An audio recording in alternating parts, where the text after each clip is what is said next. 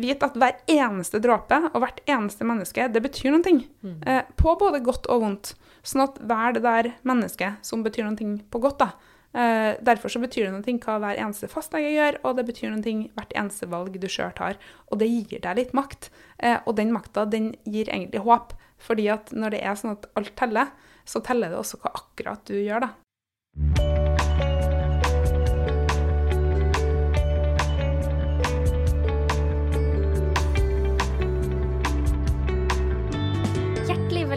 Til podkasten 'Leger om livet'. Jeg heter Anette, og jeg jobber som lege. Og jeg ønsker å gjøre forskningsbasert, nyttig og objektiv kunnskap lett tilgjengelig for alle. Og i dag så er jeg så heldig å ha med meg to av de dyktigste damene jeg vet om. Bakterieforsker og mikrobiolog Jessica Lønn Stensrud. Og journalist og forfatter Ingeborg Senneset. Eh, hun, Ingeborg Senneset hun er journalist, samfunnsdebattant, forfatter og styremedlem i Norske Penn. Hun er utdanna sykepleier, og hun Senneset har fra 2013 jobba som journalist i Aftenposten og vært en viktig stemme i debatten om antibiotikaresistens. Hun Jessica Lønn Stensrud er mikrobiolog og har i mange år forska på bakterier ved Universitetet i Oslo. Hun er veldig interessert i bakterier og har blitt omtalt som hele Norges bakteriedame. Hun har skrevet flere bøker om bakterier og om deres viktige rolle. Hjertelig velkommen til podkasten, dere to. Tusen takk. Det er en ære å få sitte her sammen med to så dyktige damer. Tusen takk for at dere tok dere tid. Du, takk likeens. Og jeg er så glad bare for at jeg får sjansen til å sitte og henge litt og drikke litt te med Jessica også. Jeg, vi har jo møttes før, og jeg har selvfølgelig lest hennes bøker og brukt dem jo som kilder i mine saker. Sånn jeg, og jeg mener jo egentlig så burde du ikke ta med det med sykepleier, for jeg blir alltid sånn oh-oh, for det er så lenge siden jeg gikk den utdanninga. Ja. Men jeg har det veldig med meg i måten jeg tenker på. Eh, selv om det ikke er med liksom, i den der faglige biten. For altså, sykepleiere er jo, det er jo faglige, flinke folk som hele tida må oppdatere seg på kunnskap. Men den måten å tenke omsorg og tenke helhet på, det er jo også med når man tenker på bakterier. Sånn at det er jo med på den måten, da. Ja, og det tror jeg er en veldig fin eh, utdanning å ha i bunnen. For du skriver jo om veldig mye, mange forskjellige temaer. Ja, det er jo eh, alt ifra eh, antisemittisme eh, og vaksinemotstand eh, til mye om selvfølgelig psykisk helse og den biten der, da. Eh, og det er jo mye fra bakgrunnen av at jeg har vært innlagt i tre år sjøl for, for anoreksi, da. Sånn at jeg har så mange erfaringer med helsevesenet fra helt ulike hold. Både fra det å stå i Dagsnytt 18-studio og, og være så streng som jeg aldri har vært i hele mitt liv med Bent Høie, fordi at nå skulle han snart gå av, så jeg måtte virkelig få noe svar her. Ja. Uh, I den grad at jeg måtte si til han etterpå at bare, du vet hva, det var ikke meninga å være så ille. Og han sier da at vet du hva, det, nå har vi sikkert møttes eh, 100 ganger i løpet av min statsrådperiode, eh, og det er alltid en fornøyelse, sjøl om det er utrolig ubehagelig. Du er den verste og den beste som jeg kan møte på. Så det var, det var veldig god stemning hele veien. Og han er jo utrolig dyktig og viktig. Det er jo derfor eh, at man kritiserer. Ja. Og det er jo derfor jeg prøver å gjøre de tingene jeg gjør. Og jeg går jo aldri etter noen som det kan ligne på å sparke nedover. Det er jo alltid oppover, og det er alltid folk som jeg forventer at kan svare veldig godt for seg. Da. Eh, Men det kan liksom være den ene dagen er jeg Dagsnytt 18 og prøver å få orden på verdensproblemer, bokstavelig talt. Eh, og den neste så kan jeg jo sitte i en krok og lure på om at søren burde jeg være innlagt igjen. Så det er sånn det, Livet er ganske sammensatt, da. Ja. Men eh, jeg, er veldig, jeg er veldig glad for å sitte her, for det er en bra dag, og det er bra folk. Og jeg gleder meg til å høre hva dere har å fortelle. Veldig artig. Og for et kompliment fra den Høie. Den Ja. beste og den verste. Og eh, nei, Det er derfor jeg er så glad for at uh, du har engasjert deg sånn i denne debatten eh, som vi skal diskutere i dag. Og antibiotikaresistens det er jo for mange veldig sånn søkt. Hva er det, og hvorfor skal jeg bry meg om det? Det er jo tusen andre ting å bry seg om. Men uh, det, dette er noe vi virkelig må ta tak i. Men når du sier det med tusen andre ting å bry seg om, det er jo en, det er jo en sånn liten hersketeknikk som heter whataboutism. Eh, Når folk eh, kommenterer sånn ja, hvorfor skriver du om det der, hvorfor skriver du ikke om noe som egentlig er viktig? Eh, og det skjønner jeg litt hvis jeg har kritisert en blogger for å bruke eh, kollagen.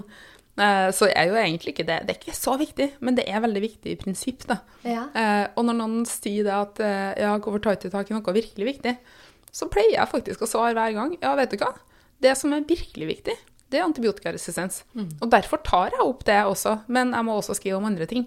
Men det er svaret. Er, ja, det er det jeg faktisk syns er viktigst av alle ting. Punktum. Mm. For vi er helt sjanseløse, da, hvis ikke. Det er akkurat det.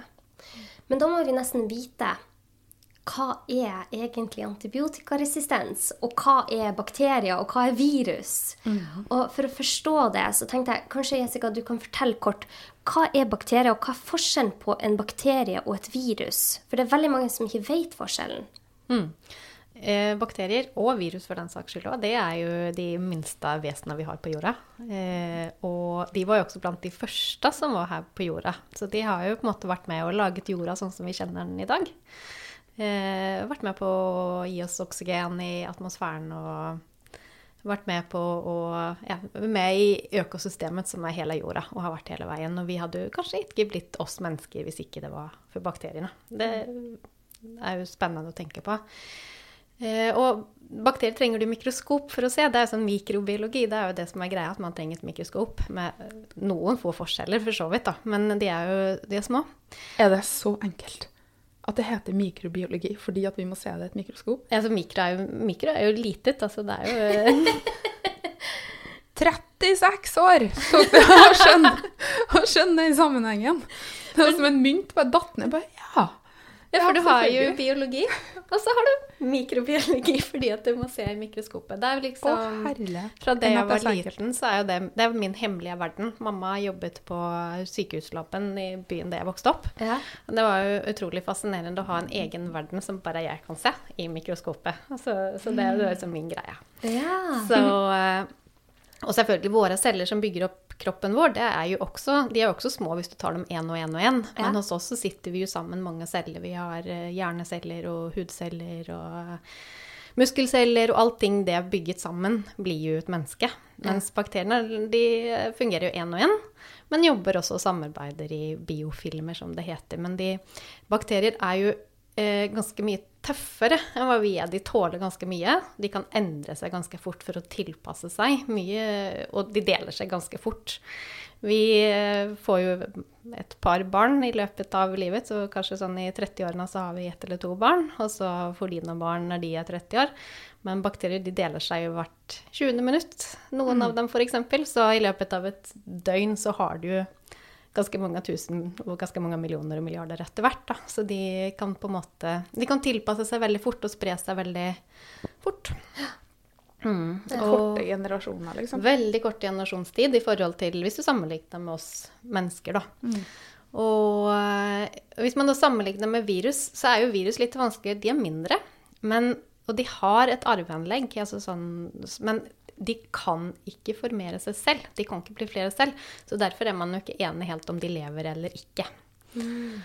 Og antibiotika, som vi snakker om nå, er jo veldig viktig, for det funker mot bakterier, men det funker ikke mot virus. Så for eksempel, det er derfor vi sto så dårlig til når det kom til koronapandemien. Fordi at vi har ikke noen medisin som egentlig dreper virus på samme måte som antibiotika dreper bakterier.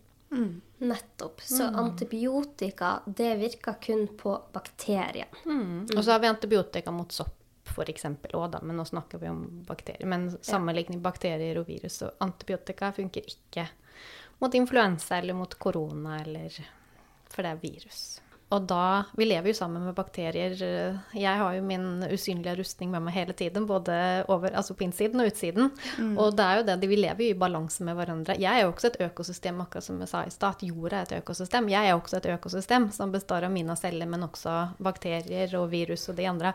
Og vi er jo i en sorts balanse, men hvis jeg blir slått ut av en virusinfeksjon, så er jo mitt immunforsvar svekket. Ja. Og da kan den balansen endre seg, og man får f.eks. større risiko for at man ikke klarer å håndtere bakteriene, og f.eks. får eh, lungebetennelse. Så det er jo en av de tingene som du faktisk kan gjøre, er å vaksinere deg og følge de vaksineringsrådene som kommer. Ja. Og det som jeg syns er så fascinerende når du sier det her med at du har en eh, rustning med bakterier, så er det jo faktisk sånn det er. Vi er helt dekka med bakterier. Hele overflaten vår er dekka med bakterier. Og så har vi et rør som går fra munn til anus, som kalles mage-tarm-kanalen, som òg er dekka med bakterier. Det er fordi det er utsiden. Det har jeg jo lært nå. Det er jo så morsomt. Det har jeg aldri tenkt på før. Vi hadde en kjempediskusjon om det, at man har liksom bakterier på utsiden, og så har man denne kanalen på innsiden. Men det er også utsiden, for det er jo epitelceller, altså de cellene som lager utsiden på oss, da. Ja. Det er epitelceller på innsiden òg. Og det går jo Det er jo en åpning hele veien igjennom, så det er jo, det er jo utsiden fast det er innsiden. For den går jo helt rett igjennom og holder inne kroppen. Nettopp. Men hva blir, eh, hva blir, forskjellen på epitelceller og andre da, for eh, oss eh, som har tatt utdanning, men for litt lenger siden? Epitelceller er overflateceller. Du er ja. jo hudlege, så du, altså overflatecellene. Kroppens overflateceller er epitelcellene. Og har vi overflateceller på innsida også? På tarmen og allting sånn slimhinnen i munnen og den veien, så er det også en form for epitelceller. Er... Så vi er på en måte en slags sokk? Ja, sånn? det, det, kan man si. Uten tærne. En åpen sokk. Leggisa. Vi er vandrende leggis. Men det som er så interessant med det, er at sant, i tarmen vår så er det et tynt, tynt, tynt lag som beskytter da eh, vår eh, blir da utside, tarmens mm. eh, hinne, fra innsida. Så hvis den blir ødelagt, så er jo det kan det påvirke i stor grad det som kommer inn til kroppen vår. Mm. Mens på huden så har vi mange eh, Vi har både disse bakteriene, og så har vi epitelcellene på innsida der igjen, som er mye tykkere. Så det er mye større beskyttelse mot det som kan komme inn til oss. Så det, er flere lag? Det er flere lag. Mm. Det er på en måte døde keratinocytter, heter det. Det blir litt sånn komplisert. Men som ligger oppå hverandre og det er jo derfor man kan si at man flasser. ikke sant? Da flasser disse keratinocyttene av oss. Mm. Men eh, for å forstå hvorfor bakterier er så viktig for oss, syns jeg òg det er veldig viktig å fortelle hvorfor, nei, hva bakterier egentlig har gjort for oss. Fordi at bakteriene kom jo til denne jorda for kanskje 3,5 milliarder år siden. Og de var de eneste livet på jorda i mange hundre millioner år. Mm før det kom annet liv. Så alt som er kommet etter bakteriene, har måttet på en måte tilpasse seg bakteriene.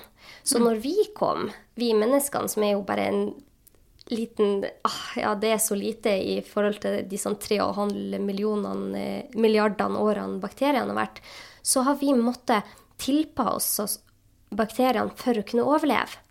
Så det som skjer, er at hvis vi får et mindre bakteriemangfold, både på utsida og på innsida, så får vi sykdommer som vi ikke hadde trodd vi kunne få.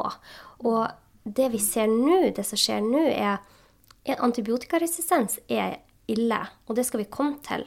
Men det som skjer med at vi mister bakteriemangfoldet vårt, er ganske komplisert og ganske skummelt, det òg. Vi har akkurat bikka én milliard mennesker på denne jorda som har har enten en allergisk eller autoimmun sykdom. Mm. Og vi vet at bakterier er så viktig for at vi skal ha et godt immunforsvar. Mm. Så bare, jeg har bare lyst til å fortelle om det, for da skjønner man òg ok, bakteriene er her for å bli. Vi kan ikke ta livet av dem, for da tar vi livet av oss selv også. Og et, et annet viktig poeng som jeg syns er veldig fascinerende, er at siden bakterier har fått lov å leve i så mange milliarder år, så har de utvikla et sånn vanvittig genetisk mangfold. Eh, og det er ganske enormt. Hvis man sammenligner oss mot et eiketre, så kan vi være genetisk likere enn forskjellige bakterietyper. Mm. Det er ganske fascinerende. Mm. Det er spinnvilt, faktisk. Ja. ja det, er jo, det, er jo, helt, egentlig helt vilt hva bakterier er og kan være. Man, man, man tenker jo oftest at bakterier er ganske likt, at det er én ting, på en måte. Men jeg tenker veldig ofte på han Antony van Leeuwenhoek som oppdaget bakteriene. Ja. Som da satt med de her Han var jo egentlig ikke vitenskapsmann, eller hva man nå skal kalle det, men, men veldig nysgjerrig, og satt og så på de her, og så oppdaga at de hadde litt forskjellig form. Og så man tenker da, det var på 1600-tallet, og så tenker fram til i dag, hva vi vet i dag. Man har jo måttet tegne om ganske mye, fordi i begynnelsen så, så man sorterte dem etter hvordan de så ut, om de var runde, eller om de var, så ut som staver, eller som kommer. Så fant man ut at de likte å vokse på forskjellige steder. Sånn, så når man fikk metoder til å kunne se på genetikken, mm. så så man jo plutselig at det hadde jo ikke sammenheng i det hele tatt. Man måtte bytte navn på bakteriene, man måtte endre rundt i ting. Og når man ser, og så men samtidig, når man ser på hvor de lever og hva de gjør Vi har jo bakterier som lever i vulkaner. Jeg syns det er spennende med Eller nå kommer mikrobiologen fram med meg! Da er ting spennende. Ja, men det, jeg skulle akkurat til å si det er kjempespennende med vulkanutbruddet på liksom Gran Canaria. Jeg vet ikke hvor spennende det er, men fra et mikrobiologisk ståsted så er det ganske spennende for å se hva slags ting som kan leve, for det er bakterier som kan leve i nærheten der. Eh, og det er bakterier som lever liksom lengst ned i Marianengropen, som er det dypeste stedet. Og alle de, altså, oppe i skyene og nede i isen lever det bakterier. Og de, de, hadde jo bare fått, de kan jo bare få det til fordi at de er så øh, forskjellige, og også fordi de er så De deler seg så fort. Og er såpass robuste som de er i forhold til oss, da kan tåle mange ting. Men just det der du sier at de er så mangt. Ja, de er så mangt, og de fins overalt, og de kan alt, og de gjør alt. Det er liksom veldig fascinerende. ja, og om vi skulle forsvinne fra denne jorda, så hadde nok bakteriene klart seg for det. Ja. For de er så tilpasningsdyktige. Jeg pleier å si at de kommer til å danse på graven vår. Ja. Både, både, min og på en måte menneskelighetens, hvis vi ikke ser opp. Og det er jo det som er med antibiotikaresistens, at vi, vi, har på en måte ødet litt i våre hender også, hvordan vi har lyst til å, å håndtere dette. Mm. Mm. Og da kommer vi jo til dette med antibiotikaresistens, fordi at Ja, først, hva er antibiotikaresistens?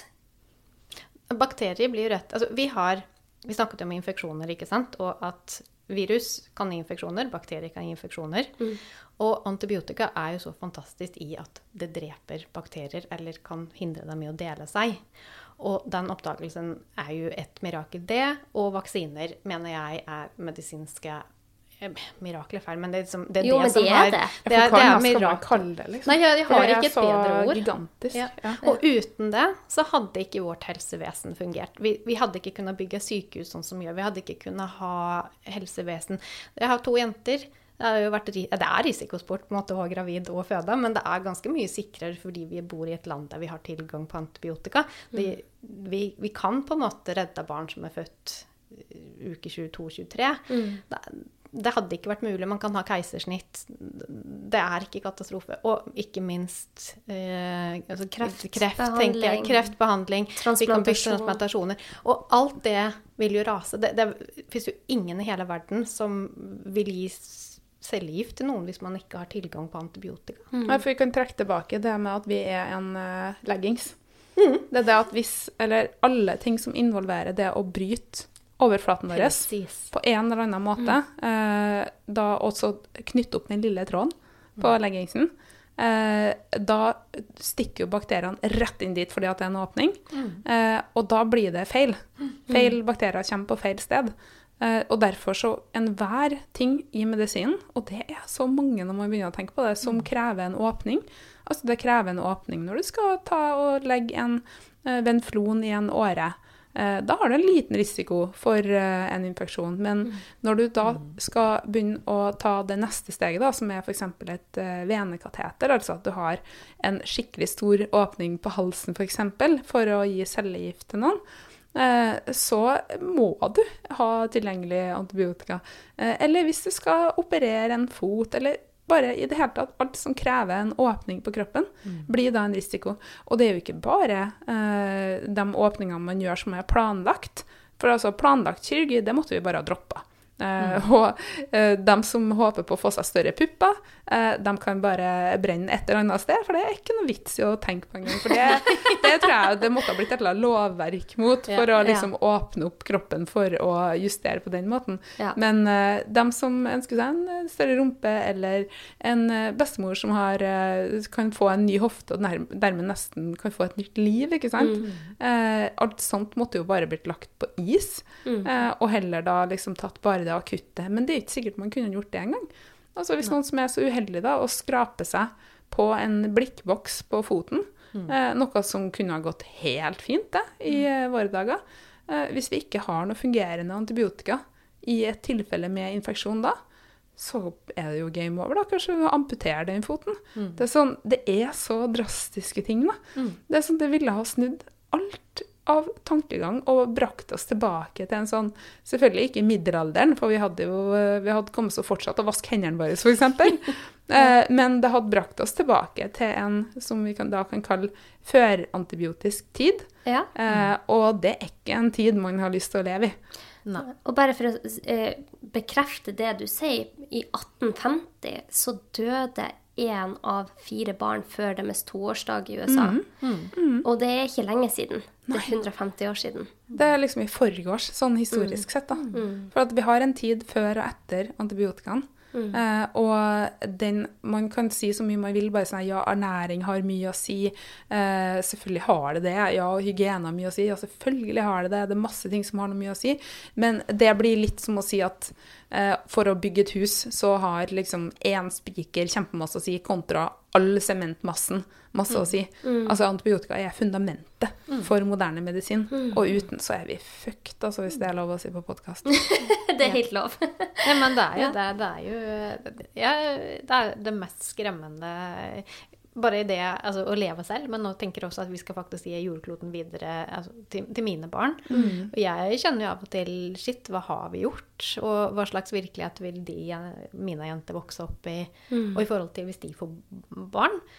Når jeg fikk min, altså når jeg fikk barn første gangen, så da forsket jeg til og med på alternativet til antibiotika. Og det slo meg ikke at bakterier var noen ting jeg skulle være redd for. Det er jo noen år siden, men allikevel så var det helt uforståelig for meg. Jeg kommer fra en legefamilie, vi har alltid hatt antibiotika. som What's the big deal? Og så plutselig så da når min datter ble født, så i Sverige var det tre for tidlig fødte barn som døde av en bakterie fordi at de ikke kunne behandle henne med antibiotika. Og det skjedde i 2009. Og vi står her fortsatt på en måte, og barn dør. Det har skjedd i Norge òg nå etterpå. Og det, det er kjempe... Altså, det er dritskummelt. Det er jo helt sånn skremmende at man skal være redd for å tråkke på en blikkspons. eller bare ramle og skrape kneet et sted, og du får en bakteriell infeksjon hvis du er så uheldig. Og man vet det jo ikke Av og til så jeg liksom, lurer jeg på om jeg er en tikkende bombe selv. Går jeg rundt med resistente bakterier? Altså, resistente bakterier er jo bakterier som er motstandsdyktige mot antibiotika. Det vil si at antibiotikaen ikke fungerer. Ja. Og av og til så går jeg og tenker tenk, tenk om jeg har det, og tenk om jeg kutter meg, tenk om jeg Tenk om! Og så plutselig står jeg der og kanskje jeg må kutte av meg armen fordi at jeg fikk et kutt Jeg, jeg kutta meg når jeg skar et eller annet på kjøkkenet. Ja, eller nå som vi begynner å reise mer, da. For vi, vi har jo vært veldig dyktige de siste årene i Norge. Vi er noen av de beste i klassen. Men eh, som jeg kanskje har skrevet og sagt 200 ganger, det er det at selv om vi er den beste i klassen, så er det selve skolen som står i brann. Ja. Vi har et kjempeproblem lell om vi er kjempeflinke her, for bakterier reiser. Ja. Eh, Men under pandemien har jo vi reist mindre, og bakterier bruker jo stort sett oss som reisebyrå. Eh, Og nå åpnes det opp mer igjen, eh, og det inkluderer jo også veldig mange som reiser på behandlingsreiser. F.eks. tar eh, tannbehandlinger i utlandet, eh, eller eh, kosmetikk i utlandet, eller ulike ting som de må gjøre utenlands. Eller ikke må, da, men velger å gjøre utenlands. Ja. Og det at vi f.eks. har et veldig dyrt system for eh, tannbehandling i Norge, det tror jeg er med på å jage en del eh, personer utenlands. Og de skal ikke dømmes for at de faktisk av økonomiske årsaker er nødt til å gjøre den uh, tannbehandlinga, som jo er ekstremt dyrt hvis du ikke har god forsikring for det, eh, utenlands. Og de er f.eks. en eh, bærer, kan være, da, av eh, resistente bakterier. For det er jo gang på gang så må man jo ta den samtalen om hva er det egentlig som blir resistent, eller som blir Mm. eh, motstandsdyktig. eh, for det er veldig fort gjort å tenke at det er vi, Vi eh, sjøl som ikke må bruke antibiotika, fordi at vi som mennesker blir motstandsdyktige. Eh, men det er jo den summen av alle som bruker, for det er jo selve bakteriene med sine superkorte generasjoner som da går hele skoleløpet sitt på eh, et millisekund, eh, som blir opplært i våre måter å forsvare oss på ved at vi bruker det. Så det er den store faren for at vi tar med oss sånne ferdigopplærte eh, bakterier fra land som har en eh, litt annen holdning eller muligheter enn Norge, eh, som da bringer de bakteriene tilbake hit. Og du trenger jo for så vidt ikke ha vært på en tannklinikk eller på et sykehus for å ha gjort det. Du kan også ha vært på en flyplass. Så det er, som Jessica sier, vi kan gå rundt i verste fall som tikkende bomber sjøl, og muligens bære på noen eh, multiresistente bakterier. Og når du sier multiresistent, så kanskje du skal forklare bedre hva det uttrykket er. Ja, multiresistent det betyr jo egentlig at du Altså at den bakterien er motstandskraftig mot to eller flere ulike typer antibiotika, eller klasser av antibiotika. Eh, og jeg tenkte Et godt poeng er jo egentlig det her med eh, Antibiotika er vel så vidt jeg vet den eneste medisinen som vi bruker som faktisk ikke har en effekt på oss helst ikke skal ha en effekt på oss mennesker, og egentlig ikke har det, men på en annen organisme som lever sammen med oss. Det er jo ganske spesielt Ja. å det kan ha på. litt effekt på at vi får vondt i magen. Vi kan få vondt i magen. Og det er jo Ja. fordi at bakteriene bare au. Ja, ja precis. Au, hva gjør du mot meg? Ja, så de bakteriene som hjelper oss, eller bare liksom Au, fuck, ikke Ja, gjør ikke det her. Ja. For at den antibiotikaen kan jo ikke skille mellom hvem Nei, den er nei, ute ikke sant. Den, den, den skyter jo altså rubbel og bit. eh, Det angrepsmålet eller sånn den har, så er det Vi snakker jo ofte om som snille eller gode bakterier og nyttige bakterier og farlige bakterier. Det er jo veldig veldig få som er farlige, men det er klart det er de på feil plass, som du snakket om, når man åpner opp, og så får du et hull inn i kroppen, så kan det jo komme bakterier på feil plass, eh, men antibiotika skiller jo ikke på det. Den, den er ikke noen sånn snikskyter som på en måte klarer å ta den der ene som, som lager trøbbel, utan den går jo og tar alt. Eh, og men, Men, teppebombe istedenfor å være sniper. ja, det er jo det. Presis. Og det er jo ja, det er en veldig bra metafor egentlig å bruke. For det er sku, det var en som sa til meg du må ikke si at en teppebombe det er så forferdelig. Ja, men dette er forferdelig! Det er, liksom å få Det er lettere å forholde seg til bomba. Det kan Ja. jo i hvert fall Mm. stoppe, da. Ja. Det er en viss grad. Men uh, det her på en måte, det er jo usynlige Det er usynlige fiender. Ja. Men eh, når, ikke sant, du sier Ingeborg at vi er best i klassen, og det er vi jo. Vi er jo blant de aller beste på det her. Men det som er problemet òg, er at selv om bitte lille Norge er blitt mye bedre på å ikke gi antibiotika unødvendig, selv om vi gjør det fremdeles, da, det må jeg si. Altså, eh, bare et eksempel. Når jeg jobba som fastlege før jeg begynte å utdanne meg til å bli hudlege, så fikk jeg veldig ofte barn og mødre som sa at de ville ha antibiotika for at barnet kunne gå tilbake til barnehagen for at de hadde fått øyekatarr. Mm. Og, eh, Ørebetennelser. og ørebetennelser er jo viral for det meste. Men eh, konjunktivitt, sånn, eh, eh, der du får, eh, kan få en bakteriell infeksjon på øyet ditt, er nesten alltid selvbegrensende. Du trenger ikke antibiotika. Men for at de skal få lov å gå tilbake til barnehagen, så må de ha blitt behandla i to dager med kloramfenikol, som er en antibiotika. antibiotika. Og der har vi òg noe å gå på. Eh, Så vi, lille Norge har også noe å gå på, men du skal bare ned til Spania, der du flere steder legene får betalt for å selge antibiotika. Jeg, eh, min kusine sendte meg senest i fjor Nei, det var rett før um, covid. Sendte meg en melding og spurte om denne antibiotikaen var rett til sin datter. For de hadde vært i Spania, dattera hadde falt, og de hadde dratt til eh, lege der for at hun hadde fått skrapsår på kneet og lurte på om de måtte sy.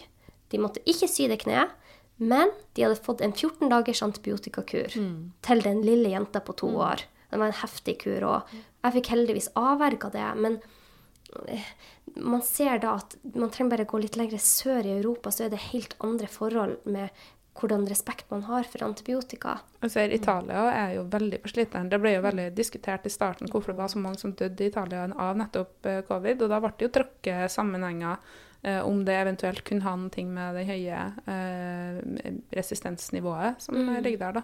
Så det er ikke, det er ikke særlig langt unna. Altså. Nei. Nei. Ebolautbruddet som var nå for noen år siden i og nå husker jeg ikke hvilket land, men det var i Afrika et sted. Ja. Der, eh, så det vet man, så Ebola ødelegger jo slimhinnene i tarmen, så at på en måte allting lekker ut. Og det vet man jo, så derfor så får man antibiotika på forhånd på en måte for å unngå sepsis, altså blod, blodforgiftning, eller Ja. at bakteriene kommer ut i blodet. Eh, problemet var bare at man ikke hadde sjekka på forhånd, så det viste seg jo at eh, bakteriene der var resistente mot denne typen antibiotika man gav. Og der ga man rutinemessig og sjekket ikke. Det var først når en lege eh, ble smittet og ble fløyd ut, og ikke svarte på antibiotikabehandlingen. Som, og det, så det, altså, resistente bakterier der bidro til å gjøre ebolaviruset egentlig mye farligere. Så hadde man visst dette, eh, så hadde man på en måte kanskje ikke sett like mange døde, da. Mm. Men det er jo ikke bare antibiotikaen mot oss mennesker heller som er en pådriver for antibiotikaresistensen. Hva er andre veier som har gitt antibiotikaresistens i verden. Du var jo inne på Spania i stad. Nå vet jeg ikke helt sikkert hvordan det var, men jeg var med i Upps Uppsala Health Summit eh, for noen år siden. Og det var antibiotikaresistens, og var hele verdens forskere samlet. Jon Arne Røttingen fra eh, Norge og mm. mange svenske, eh, og egentlig for hele, hele verden, da, samlet. Da satt jeg sammen med en veterinær fra Spania. Han var helt oppgitt. eh, det vi satt og diskuterte, for han sa at i Spania så får veterinærene bonus for hvor mye antibiotika de selger til dyr. Oh. Og det er jo ting som oh, det spres skjønner eh, Det kan jo hende jeg har gjort noe med det nå, så det skal jeg ikke si, men dette var ikke mange år siden, altså. Og, og for meg så var det en litt sånn tankevekker, fordi at uh, vi har jo utfordringer, som du sier, med, med mødre eller foreldre som kommer og vil komme fortere tilbake på jobb. Så jeg tenker vi har en jobb å kunne gjøre i vurderinger både fra lederposisjon i forhold til ansatte til Nå har vi jo lært oss at man kan jobbe hjemmefra, og man kan gjøre ting. Altså man, jeg håper at man tar det med seg. Det her å holde avstand, det, det bidrar til mindre smitte og sannsynligvis mindre Og antibiotika. at skolene tar det med seg, så ikke fastlegene rennes ned av skoleelever som er redd for å bryte fraværsgrensen og må ha antibiotika for å slippe den. Fordi at det er en ganske korttenkt vei hvis at vi skal Ja. tvinge elever til å få antibiotika for å være på skolen, for å ikke bryte fraværsgrensa Ja. når vi prøver å redusere antibiotikabruk. Ja. Men det er et sidepoeng, da. Ja, det er et sidepoeng. Ja, Men, men, men er landbruk, ja, veldig, men landbruk, landbruk, særlig, da. Eh, både, da gjelder det både fisk eh, og dyredrift. eh, og ulike deler av landbruket da, som eh, har brukt antibiotika eh, i, eh, i stor skala for å få et mer såkalt effektivt uh, landbruk. Da. Uh, det har vært reduksjoner i ganske stor skala i Norge. Uh, og det håper jeg bare at det fortsetter å bli, men igjen så hjelper jo ikke det så veldig, for Norge er jo ikke akkurat Vi er ikke et gigantisk landbruksland. Eh, det er stort sett eh, fjell. Ja. Så at vi er ikke i stor skala der heller. Men mm. det er noe som virkelig teller. Og da har du fjerna deg langt ifra det antibiotika egentlig skulle være. Ja. Det skulle, det skulle jo hjelpe folk. Og istedenfor så brukes det eh, i stor skala til å da eh, dyrke fram eh, mer effektivt. Og når jeg da sier mer effektivt, så er jo ikke sånn at man liksom Ja, hurra, da er det flere som får mat. Nei da, vi hadde kommet til å klart hvis vi hadde organisert oss litt bedre her i verden, sånn at folk hadde fått den maten de skal ha. Men det er økonomiske eh, insentiver som gjør at eh, folk involvert da i eh, ulike deler av landbruksbransjen Ja. eh, jo tjener direkte på det å bruke metoder som er skadelige for absolutt alle. Det er akkurat det, og de gjør det jo eh, Bare i USA så driver de på og gir dyrene i stor skala antibiotika for at de skal vokse fortere.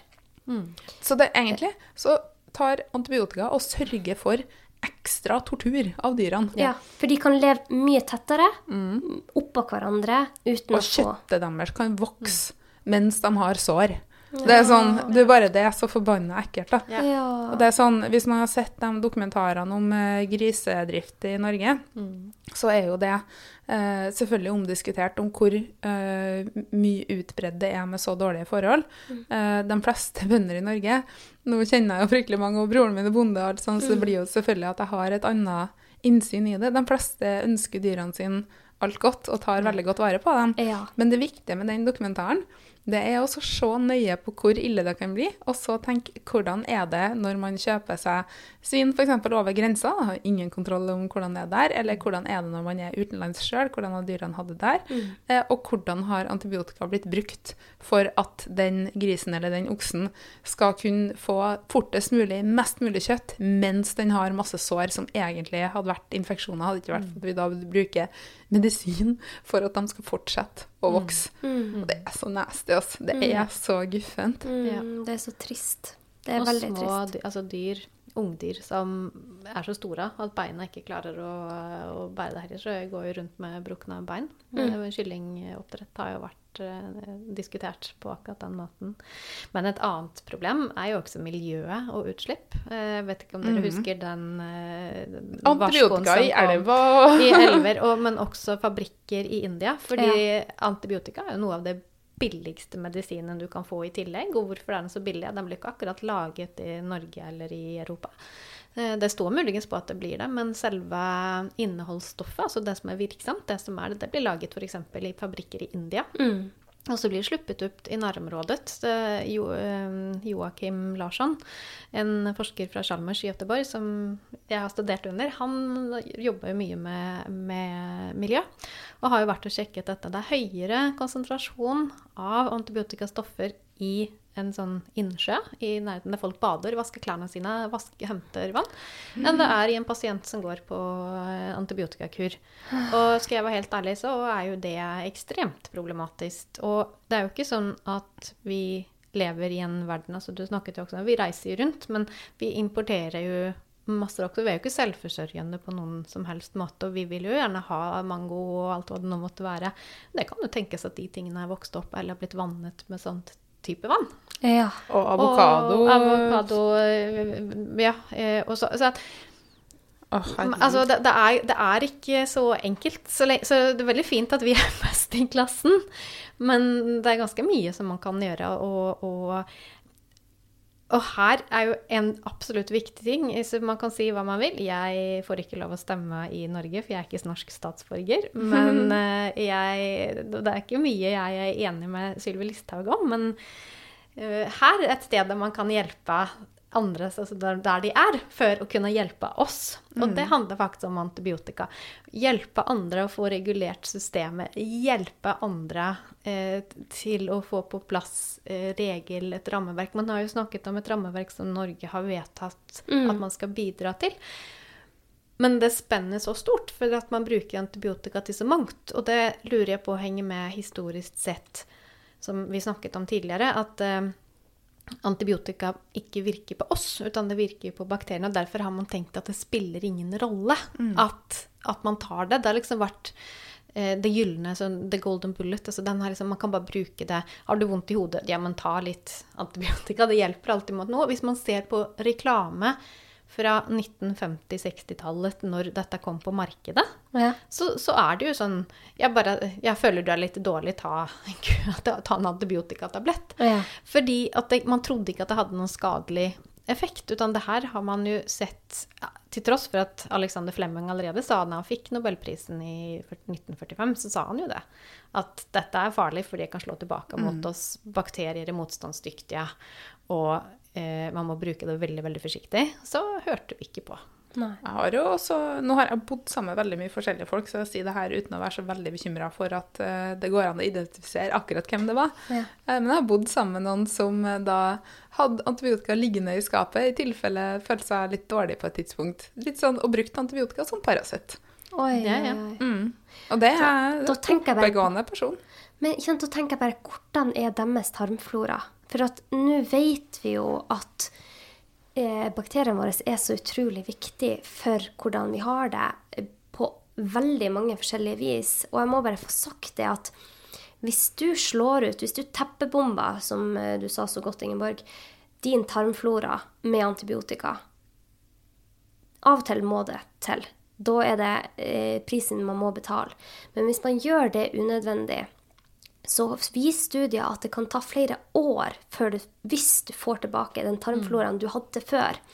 Og man kan linke en dysbiose, altså en eh, eh, ubalanse i tar, tarmen din, til Altså, nå er det så mange sykdommer. Alt fra Alzheimer, eh, autoimmune sykdommer, eh, allergiske sykdommer. Det har blitt linka mot så mye. Vi vet ikke svarene ennå, men vi vet at Og kanskje det viser seg at hvis du har et dårlig mangfold i din tarm, så er du disponert for å få Alzheimers. Er ganske Kan jeg stille et dumt spørsmål? Ja. Nå når jeg sitter med fagfolk. Ja. Eh, jeg som har da både anoreksi og OCD, altså tvangslidelser, som gjør at jeg blir veldig opptatt av å vaske og styre. Mm. Eh, nå har jeg hatt en veldig rolig periode i korona, fordi plutselig så var alle sammen rundt meg som passe akseptabel rein og holdt seg Ja, meg. ja. Så det var litt eh, Dessverre så har det vært veldig sånn eh, godt for, eh, for OCD-en. Fordi at da har jeg liksom kunnet slappe av litt, men det er jo helt feil. fordi at det det motsatte jeg trenger, det er å eksponere meg og det å være eh, i hermetegn ganske skitten. da. Eh, så takk og lov at jeg har jo fått en kjæreste som jeg, jeg skulle si at er forferdelig skitete, men det var ikke det. Men det er, bra, det er bra at man utveksler bakterier. Det er det som er poenget, da. Ja, Men- det er veldig bra. men sånn når jeg da har hatt veldig begrensa inntak eh, av mat, altså bakterier til innsida, i tillegg til å vaske av eh, veldig mye på utsida eh, Jeg var jo så dårlig at jeg følte at vann var eh, for skittent. Eh, så jeg måtte vaske meg med sprit etter å ha dusja for å føle at jeg var sånn noenlunde ren nok. Eh, hvordan kan det ha påvirka innsida mi, liksom? Kan jeg ha ødelagt ting for flere år, liksom? Altså, det er et veldig, veldig godt spørsmål, Ingeborg. Og noe jeg har lest meg godt opp om, og det har sikkert du òg, Jessica. Men det som jeg syns er så utrolig fint at jeg har fått vite med tida, er at i en periode så ble det at du kunne spise deg til alt, mat hadde alt å si for bakteriene dine, eh, den, den veien der, den ble for snever. For nå viser det seg faktisk at Eh, Stress, eller det å være rolig, påvirker tarmbakteriene dine. Det at man trener, det trenger ikke være hard trening, men bare bevege seg, kan påvirke tarmfloraen din. Eller eh, vi har flere ting. Søvn. Bakteriene sover jo akkurat sånn som oss. Prioriterer man søvn, så kan det styrke tarmfloraen din. Så det er mange veier her. Mat er kanskje den viktigste. Men det at man lever noenlunde sånn som man naturlig skal, at man sover på natta og prøver å ikke ha for høye stresshormoner hele dagen, det kan hjelpe deg.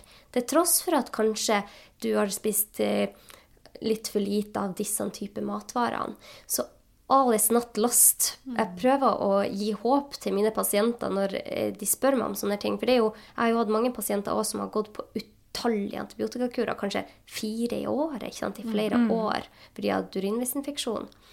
Eh, men man kan styrke de. Det, men selvfølgelig, noen tarmbakterier kan være borte for godt.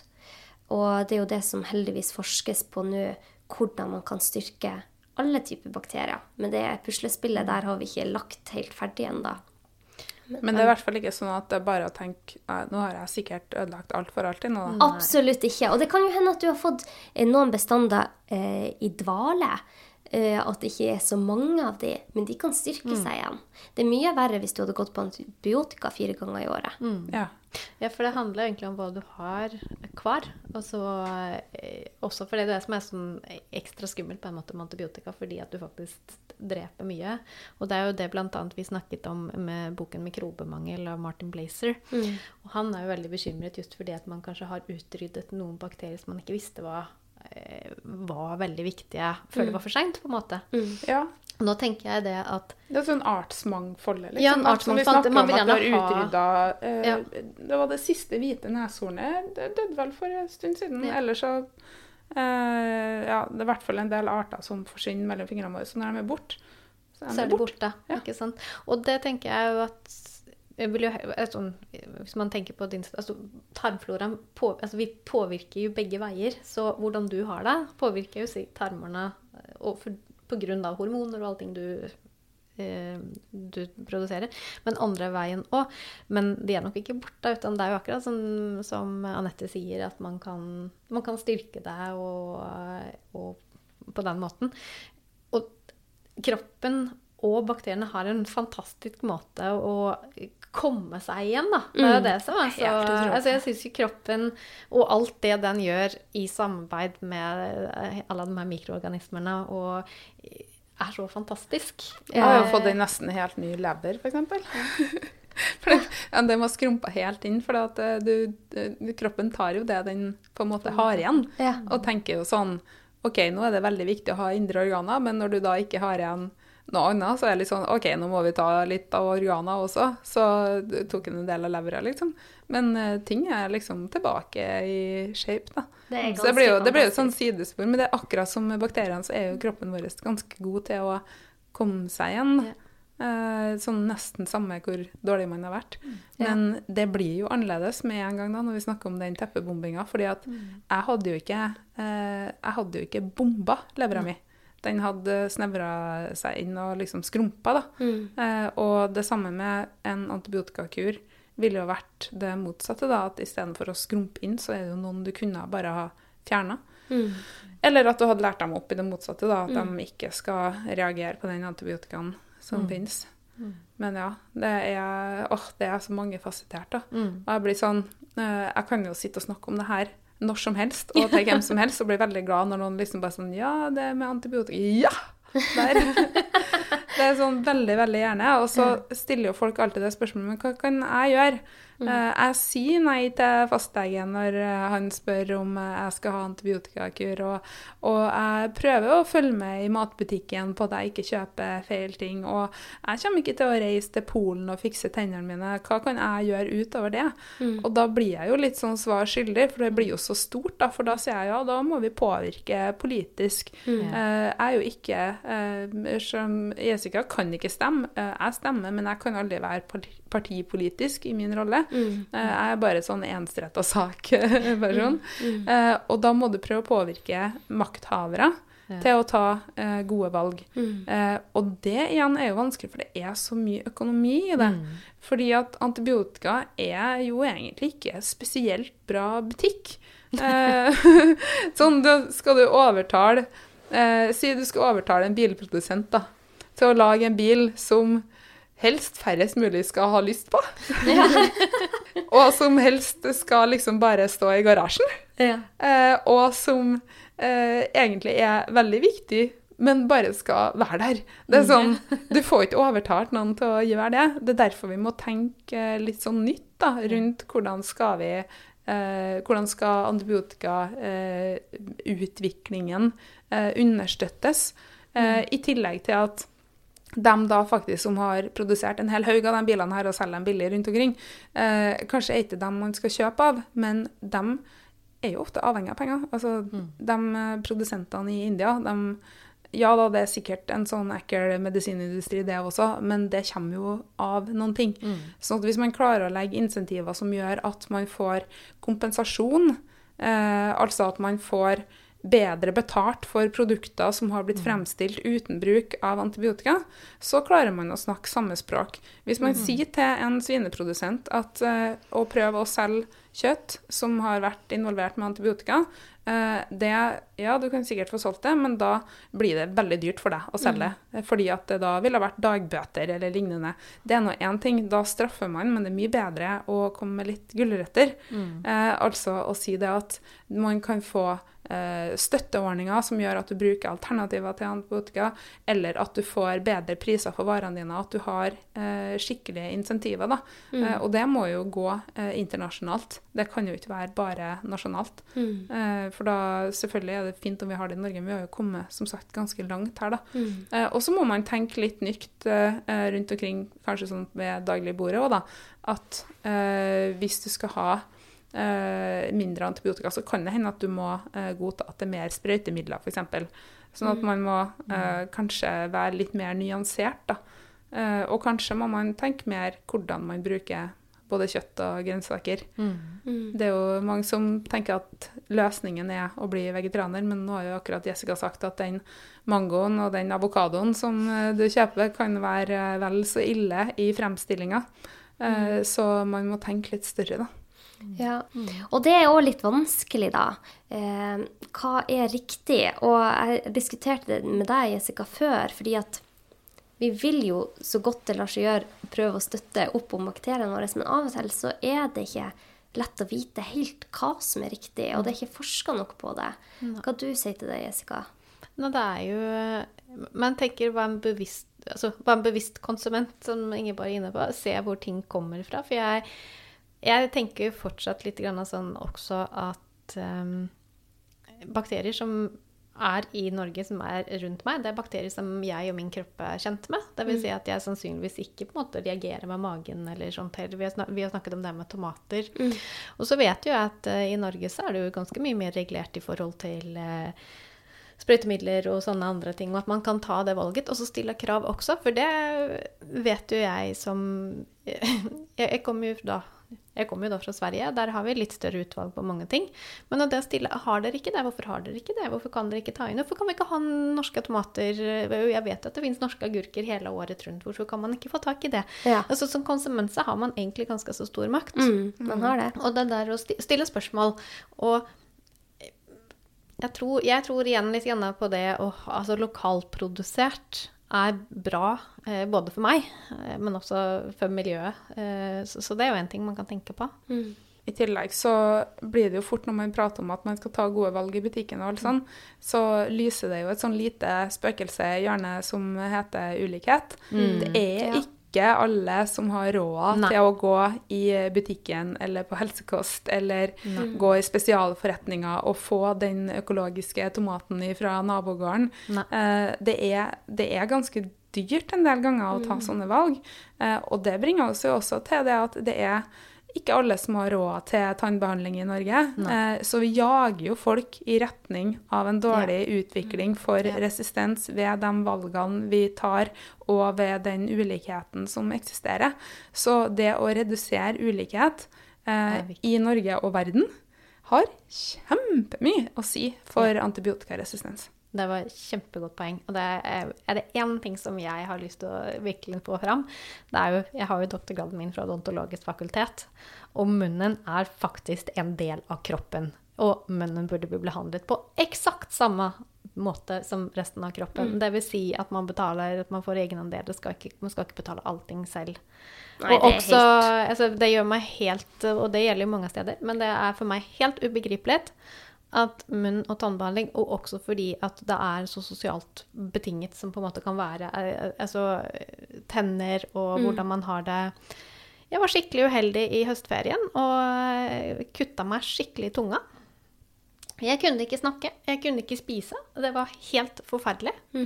Og hvor mye det plaget meg. Og, hvor mye, og det var liksom, jeg har ikke noe problem ellers, men, men det fikk meg til å tenke efter. Det er ganske mange som sliter med mange forskjellige ting, og faktisk ikke har råd å få hjelp. Mm. Og som Og- går rundt med uh, råtne Råtne tenner som da vil gi lukt, eller med stygge fortenner som gjør at du ikke kan eh, smile på det jobbintervjuet. Yeah. Eh, og sånn at det forsterker liksom en ond yeah. sirkel av ulikhet også. Da. Og det kan jo også påvirke andre sykdommer. Yeah. Det er jo sammenhenger mellom tannhelse og hjertehelse, f.eks. Presis. Ja. Og det var akkurat det jeg skulle komme til. Man, man ser jo faktisk det at det som skjer i munnen, påvirker kroppen i veldig veldig stor grad også. Infeksjoner og masse annet som da kan ha kostnad å gjøre den forskjellen på munnen. Og da som også faktisk leder til mer antibiotikabruk. Så, så Alt henger sammen med alt. her. Alt henger sammen. Alt er jo et stort økosystem. Alt er avhengig av alt, faktisk. Og det gjelder å få opp det der store blikket. Og det, det savner jeg veldig ofte i både diskusjonen om antibiotikaresistens, men også Det, det er litt som si, i gamle dager, men før når man trodde at man kunne plukke ut en og en bakterie og forske på den og se hva den hadde for å si. Altså, men det funker jo ikke sånn, for bakterier eh, fungerer jo ikke i uh, vakuum. Altså de samspiller jo med, med mine celler, hvis den lever på meg eller med andre bakterier rundt omkring. Man må se den større sammenhengen, for det er jo litt av det vi har gjort med antibiotika. Vi har ikke skjønt konsekvensene. Vi har jo på en måte fucka opp systemet skikkelig og brukt ant, altså Antibiotika er jo stoffer som andre mikroorganismer bruker i krigen mot hverandre. Eh, penicillin, den vanligste, den kommer fra en muggsopp som muggsoppen bruker for å forsvare seg mot bakterier. Så dette har jo vært en balansegang der de skal prøve å holde balansen mellom, altså mellom seg. Mm. Så har bakteriene forsvarsmekanismer. Så har vi plutselig tatt den her eh, våpenet, da, og så bare forstørret det opp til masse Nå er vi inne på teppebombing. Masseødeleggelsesvåpen. Det var jo det vi har gjort. Mm. Og først så funket det kanskje bra, for det var liksom OK. så- men bakteriene har jo beskyttelse mot dette, for det har de hatt. For dette har sannsynligvis pågått i mange hundre tusen, kanskje milliarder år. Mm. Og de har hatt dette. Så vi bruker faktisk deres eget stoffer mot hverandre. De har jo allerede et forsvar etablert. Når vi bruker antibiotika, så lager vi jo perfekte vekstvilkår før de bakteriene som har denne beskyttelsen. Så vi får bare masse flere av dem. Mm. Ja. Nå skrev vi ut igjen. Men det, det, er, det er så spennende. Så det hver og en kan gjøre, er jo Det er jo litt Det var veldig mange gode poeng her. Men det vi må få til, er å få en politisk eh, At det må komme opp på agendaen. Og nå har jeg akkurat intervjua en som heter Ola Hedstein, som jobber hardt for dette. Så det, det skjer ting eh, der òg. Så jeg har veldig trua. Jeg har ikke mista trua på at vi skal vinne denne kampen. Og jeg tenker at dette skal gå bra. Jeg laga faktisk ei liste en gang eh, i en av artiklene om antibiotikaresistens som var sånn Hva konkret kan Ja, jeg og du gjøre? Eh, og det var seks ting. Ja. Eh, så jeg kan godt ta med dem, eh, bare som en sånn ren oppsummering. Eh, og alle sammen er selvfølgelig da faglig brakt. Eh, vit at hver eneste dråpe og hvert eneste menneske, det betyr noe. Mm. Eh, på både godt og vondt. Sånn at hver det der mennesket som betyr noe på godt, da. Eh, derfor så betyr det noe hva hver eneste fastlege gjør, og det betyr noe hvert eneste valg du sjøl tar. Og det gir deg litt makt. Eh, og den makta, den gir egentlig håp. Fordi at når det er sånn at alt teller, så teller det også hva akkurat du gjør, da. Det andre, det er å skaffe deg kunnskap. Eh, kunnskap er jo så topp for det å vite hvordan bakterier blir resistent, eh, og at eh, det ikke er du som menneske som blir immun. Sånn at i alle de der samtalene eh, på Facebook eller med venninna di som har tenkt å dra til legen med kiden som har fått øyebetennelse, så kan du si hei, du vet ikke hva, det der har jeg hørt om. Eh, det er jo egentlig ikke så sinnssykt smart det der, da. Um, det tredje, det er jo selvfølgelig da å unngå unødvendig eller uriktig bruk av antibiotika. Eh, og der har jeg stilt spørsmålet om det bør være restriksjoner på det med plastiske operasjoner.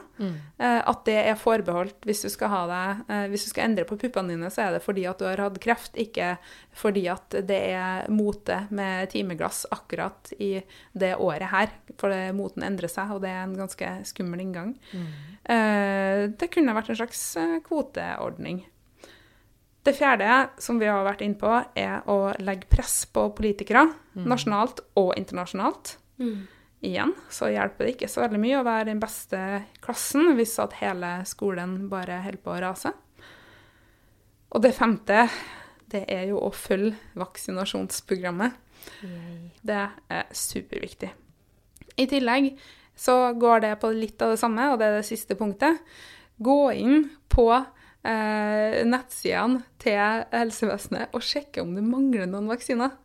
Eh, det gjorde jeg, og her har jeg gått og snakka om vaksiner. Bare, ja, alle sammen må ta vaksinene sine. Og så oppdaga jeg at det var herlig at jeg skulle jo ha friska opp mine for lengst. eh, og bare sånn Ja ja, her driver vi og practice what you preach, ja. så jeg har fått friska opp da for et par år siden en del av vaksinene mine som rett og slett eh, trengte seg en eh, boost, da, for det gjør noen av dem etter noen år. Så spring og sjekke det yeah. på, på nett. Kjempefin oppsummering. Jeg, jeg tenker også det er så viktig ting at altså, hver ting, lille ting monner. Eh, og å skaffe seg kunnskap er det én ting Nå jobber jeg jo både som forsker, og jeg jobber også med kildekritikk og den biten her, så kunnskapsbasert. Vær så snill og på en måte sjekk fakta først, og faktisk undersøk at det du sier, kommer fra en troverdig kilde. Det Ja. er vel én ting som altså, men, men skaff deg kunnskap, les deg opp, eh, og finn ut av det. Det tenker jeg er kjempeviktig. Særlig i pandemien nå, når ting har rast litt over stokk og stein, holdt jeg på å si. At Og man- særlig når mange foreldre får eh, helsekunnskap i eh, hermetegn fra Facebook. Ja. Eh, for der er det mange anekdoter. Det er mange Plutselig kjenner et bilde av et barn som da kanskje mangler det ene øyet sitt, og så står det at uh, mistet øyet øye pga. Uh, øyebetennelse som ikke ble behandlet av antibiotika, og du blir helt bare uh, det, er, det, er sånn, det er et rart eksempel, men sånn der er det så Ja, mye av. sånn det er er det. så mye ting. Ja. Og det bare fær rundt omkring, og folk blir redd. Ja. Og da må man møte redde folk med Ja. å si lite øyeblikk OK, jeg dømmer deg ikke nå. Eh, for hvis du dømmer folk, så går de i forsvar og sier at 'jeg dømmer deg ikke nå', men det du sier, det er ikke riktig, altså. Eh, og kan ikke vi ta en prat om hva som egentlig er rett her? For det som skjer nå, er egentlig ganske skummelt. Mm. Eh, og prøve å ta en god samtale da, derfra. Mm. Og det er det jeg òg prøver med mitt, min lille podkast her å gjøre. Objektiv og god forskningsbasert kunnskap lett tilgjengelig for alle. For at får man denne kunnskapen ut, så tar vi valg som er riktig for hver og en. For de aller, aller fleste vil kun det beste for seg selv og sine barn. Så det er bare å få ut den kunnskapen. Og nå eh, må vi legge på, for nå har tida flydd ifra oss. Og Ingeborg, du skal videre på jobb. Jeg skal videre, ja. Men Ja. det, her var, det her er jo også Det her er jo en veldig hyggelig del av jobben. da. Ja, jeg er så glad for at dere to tok dere tid. Jeg vet dere har en hektisk eh, timeplan, men tusen hjertelig takk for at dere ble med i podkasten. Takk for at vi fikk komme. Takk for oss. Da sier vi ha det godt. Ha det. Ha det.